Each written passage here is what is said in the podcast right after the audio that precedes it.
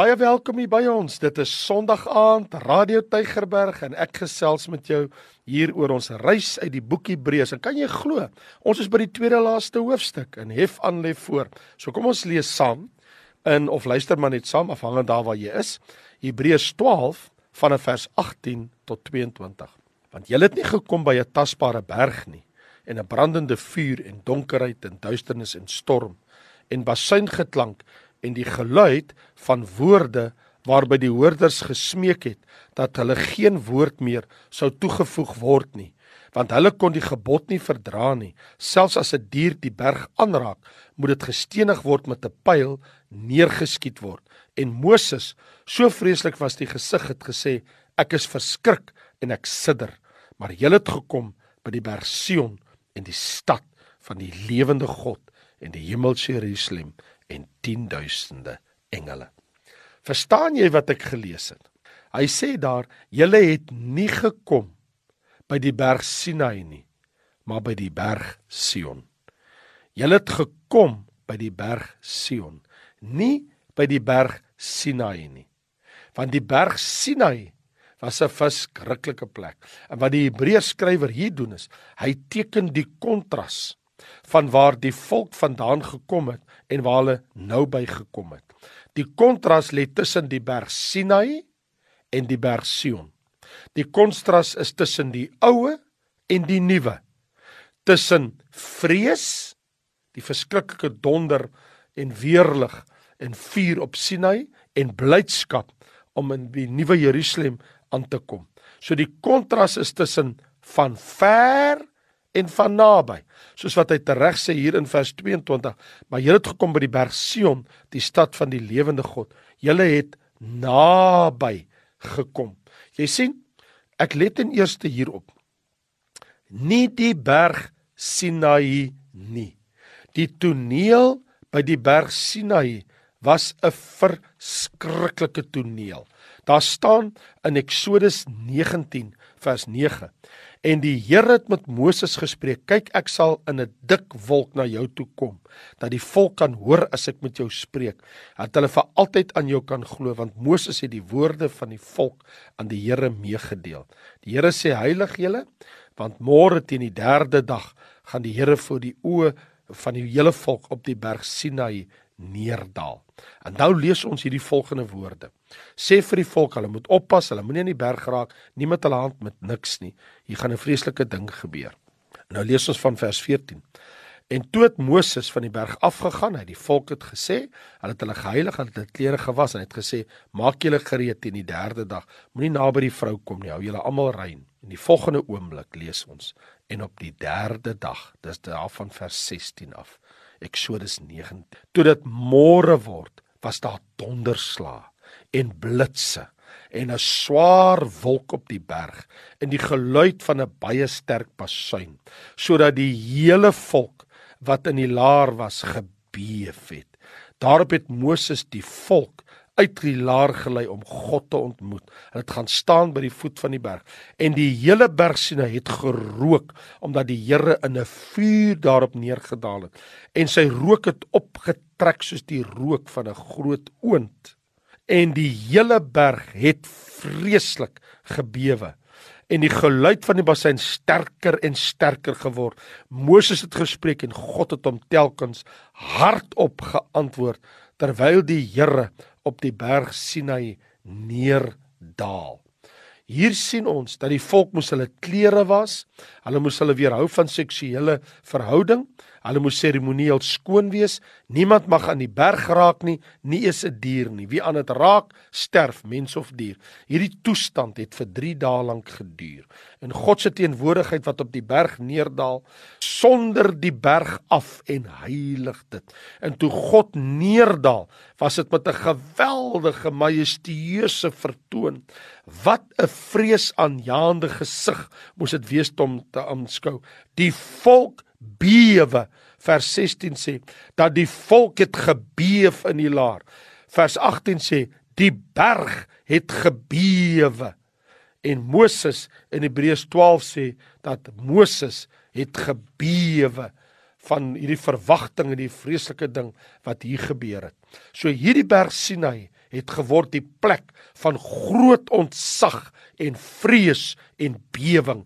Die hele volk het gesidder en gebewe met 'n groot vrees. Die luider wordende trompet wat geskal het, die berg wat in sy fondament gebewe het, die grond wat onder die volk se voete geskit het, die vuur, die rook, die donderslag, die blitse, die swaar donker wolk op die berg en dan die stem van God, die hoorbare stem van die lewende God. Dit alles was net een te veel vir die volk. Daardie bonatuurlike trompet geskal, soos wat die Hebreërs skrywer sê, 'n tasbare berg, brandende vuur, donkerheid, duisternis, storm, basuingeklank, geluid van woorde. Die hoorders het gesmeek, daar moet geen woord meer toegevoeg word nie. Hulle het gepleit dat hou op, ons ons kan nie dit ons kan dit nie vat nie. Tienduisende van engele het saam met God neergedaal op die berg as ons Deuteronomium 33 vers 2 in die Septuagint lees. Moses spreek en God antwoord telke male. Jesus Dis hoekom die Bybel sê ons het die woord van God ook ontvang deur engele in Handelinge 7 vers 53. Hierdie heiligheid hierdie vreeslikheid, hierdie vuur van God was 'n sigbare vertoon van goddelike teenwoordigheid, soos ons sien in Hebreërs 12 vers 29, want ons se God is 'n verterende vuur. Nou al hierdie dinge, al hierdie fisiese tekens, hierdie seismiese aardskuddende gebeure was 'n vertoon in geen onduidelike terme van die absolute ontoeganklikheid van die lewende God, die God van die hemel. Die berg Sinai was so gelaai met die heiligheid van God dat vir enigiemand om aan dit te raak sou 'n sekere dood beteken het. En dan dan kom die gee van die 10 gebooie. In die stem roep Moses en sê kom op. En voor die oë van hierdie hele volk stap hierdie man alleen teen die berg. Hoor hoor hoor hoor. En hy verdwyn in die wolk en hy klim tot bo. En daar gee God vir hom twee kliptafels wat hy met sy vingers geskryf het beide kante. Twee tafels geskryf met die vingers van God. Nou vriende dis in hierdie konteks waar binne die 10 gebooie die wet vir die volk gegee is Daar kry Moses op die berg sien hy twee kliptafels met die woorde van God. Maar nou sê die Hebreërs skrywer in Hebreërs 12 vers 22. Hy sê maar julle het gekom by die berg Sion. Hy sê julle is nie nou meer by daai berg nie. Julle het nie gekom by die berg Sinai nie. Hy sê in vers 18, julle het nie gekom by die brandende berg by Sinai nie. Maar sê in vers 20, julle het gekom by Sion in die Nuwe Testament in Sion, die berg Sion wat 'n deel van Jerusalem is, die stad van die groot koning Dawid. Sion word geassosieer met die stad Jerusalem. Hier is die kontras tussen Sinai en Sion. Christus Jesus het alles vervul wat op die berg Sinai gestaan het volgens die wet. Jesus het dit vervul. Maar Christene kom nie na Sinai nie. Omrede Christus het die Sinai wet reeds vervul. Ons gaan nie na die berg Sinai nie. Christus het gekom na die berg Sion. Geen mens kon doen wat hy gedoen het nie. Hy vervul die wet in letter en gees, uiterlik en innerlik in sy optrede en sy hart. En omrede Christus se werk staan Sinai nou as die berg van vervulling, maar die vervulling is natuurlik volbring op die berg Sion, want dis waar. Golgotha se heuwel is op die berg Sion in Jerusalem waar Jesus gelei het voor Pontius Pilatus, waar hy gekruisig is, waar hy uit die dood uit opgestaan het. Dis op die berg Sion dat Christus die lam van God die prys betaal het vir 'n gebroke wet wat ek en jy nie kon onderhou nie. Hy het nie gesterf op die berg Sinai nie. Christus het gesterf op die berg Sion op Golgotha se heuwel. God se mense, Christene, kinders van God identifiseer met hierdie plek as die plek van genade. Golgotha is die plek van genade en van toeganklikheid. Ons is nie mense van Sinai nie. Ons is nie mense van die wet nie. Ons is mense van Sion.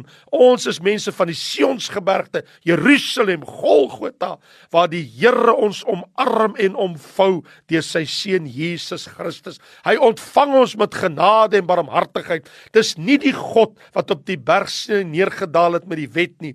Hierdie is dieselfde God, maar hy kom met sy seun.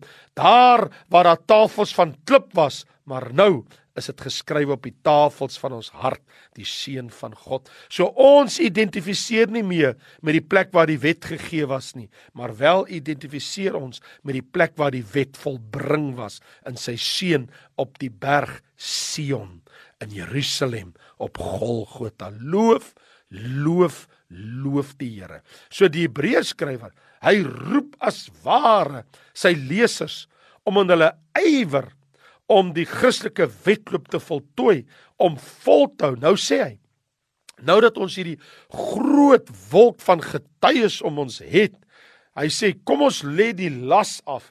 Kom ons lê die sonde af. Hy sê kom ons volhard in hierdie wedloop, die oog gefestig op Jesus nie op Sinai nie, nie op die 10 gebooie nie, nie op die twee kliptafels nie. Hy sê in vers 2: "Die oog gefestig op Jesus, die leidsman, die volëinder van die geloof wat die kruis verdra het op die berg Sion, die skande verag het op die berg Sion, gaan sit dit aan die regterhand van God op die berg Sion. Ons kyk na die berg Sion. Ons is mense van Sion en dis wat hy hier vir ons probeer sê. Hy sê julle het gekom by die berg Sion. Julle is by die stad van die lewende God. Julle is nie by die berg Sinai nie. Wonderlik om nie te luister na die stemme om te probeer luister na wat gestaan het by Sinai beteken dat ek en jy het weggedraai. Ons is mense van die berg Sion. Ons het Sinai verlaat. Ons het gekom na Sion toe. En wie wat vind jy? wanneer jy by Christus kom, wanneer jy by Sion kom. Dan het ons hierdie wonderlike wonderlike woorde in Romeine hoofstuk 3 vers 21 22. Nou is die geregtigheid van God openbaar sonder die wet. Terwyl die wet en die profete daarvan getuig, dit staan so in die Ou Testament, die geregtigheid naamlik van God deur die geloof in Jesus Christus vir almal en oor almal wat glo en daar's geen onderskeid.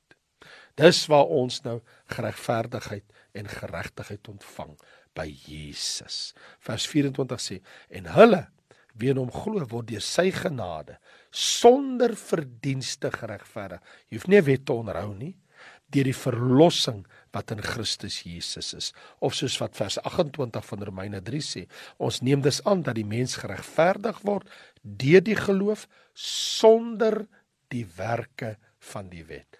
Waarlik waar. Dit is wat dit is. Dit is soos wat God se woord van sê in Johannes 1 vers 17. Die wet is deur Moses gegee by Sinai, maar die genade en waarheid het deur Christus gekom by die berg Sion. O, ek en jy is kinders van Sion. En die goddelike waarheid wat vir ons so uitgespel word in Romeine hoofstuk 10 vers 4 is want Christus is die einde van die wet. Dis die einde van Sinai. Dis die einde van die oordeel tot geregtigheid vir elkeen wat glo. Romeine 10 vers 4. So hou op sê die Hebreërskrywer om julle eie mini Sinai te fabriseer met jou eie mini wette.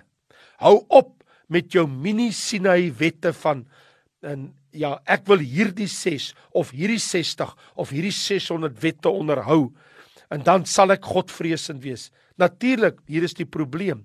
Die wat wetties is, is altyd veroordelend teenoor ander. Hoe maklik en hoe gou gebeur dit dat die wat hulle lysties, hulle lyste gemaak het, hulle lyste van watter wette hulle wil onderhou, dat hulle draai om in genadeloose oordeel en veroordeling van diegene wat dit nie doen nie. Vriende, ons is nie Sinai mense nie. Ons is mense van Sion. Waarlik waar staan dit geskrywe in Matteus 26 dat Jesus Christus homself het gesê. En terwyl hulle eet, toe neem hy die brood en nadat hy gedank het, breek hy dit. Hy sê neem eet. Dit is my liggaam. Toe neem hy die beker en nadat hy gedank het, hy sê drink almal daaruit. Dit is my bloed, die bloed van die Nuwe Testament wat vir baie uitgestort word tot vergifnis van sondes. Deur die bloed van Christus is ons by die Nuwe Testament en die Nuwe Testament bring ons na Sion. Die Ou Testament vat ons na die berg Sinai. Ons is mense van die Nuwe Testament.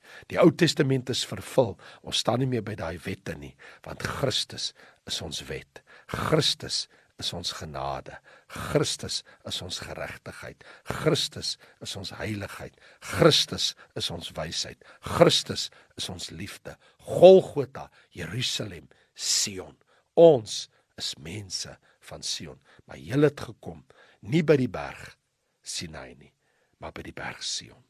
Golgotha, die tuingraf, die opstande. Here, ons loof U. Vader, ons prys U. Here van die heerlikheid, ons aanbid U vir hierdie goddelike goddelike voorreg.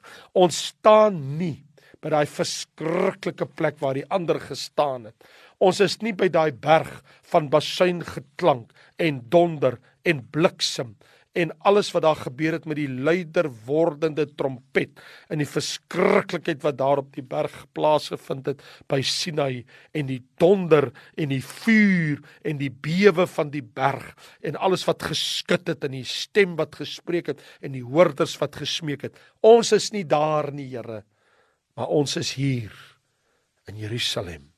Ons is hier by die kruis by die voet van die kruis Ons staan, Here, by die oop graf en ons wil sê dankie, Here, vir die kruis. Dankie, Here, vir 'n oop graf. Dankie Jesus dat U ons gebring het na Sion toe, dat U ons weggeneem het van Sinai en die nuwe Jerusalem wat in die toekoms gaan neerdal uit die hemel, daal neer op Jerusalem en ons sal vir ewig op die berg Sion woon.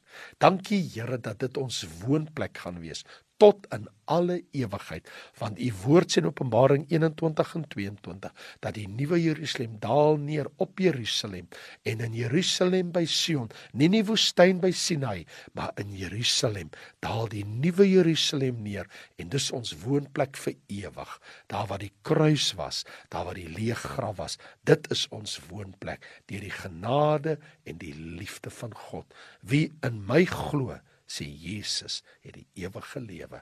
Ek het my bloed gestort. As jy by die wet bly, gaan die wet jou veroordeel. Maar as jy na my toe kom, die wet is deur Moses gegee by Sinai, maar as jy na my toe kom, gee ek vir jou genade en vergifnis deur die bloed van die kruis van Golgotha en dit word bewys deur my opstanding.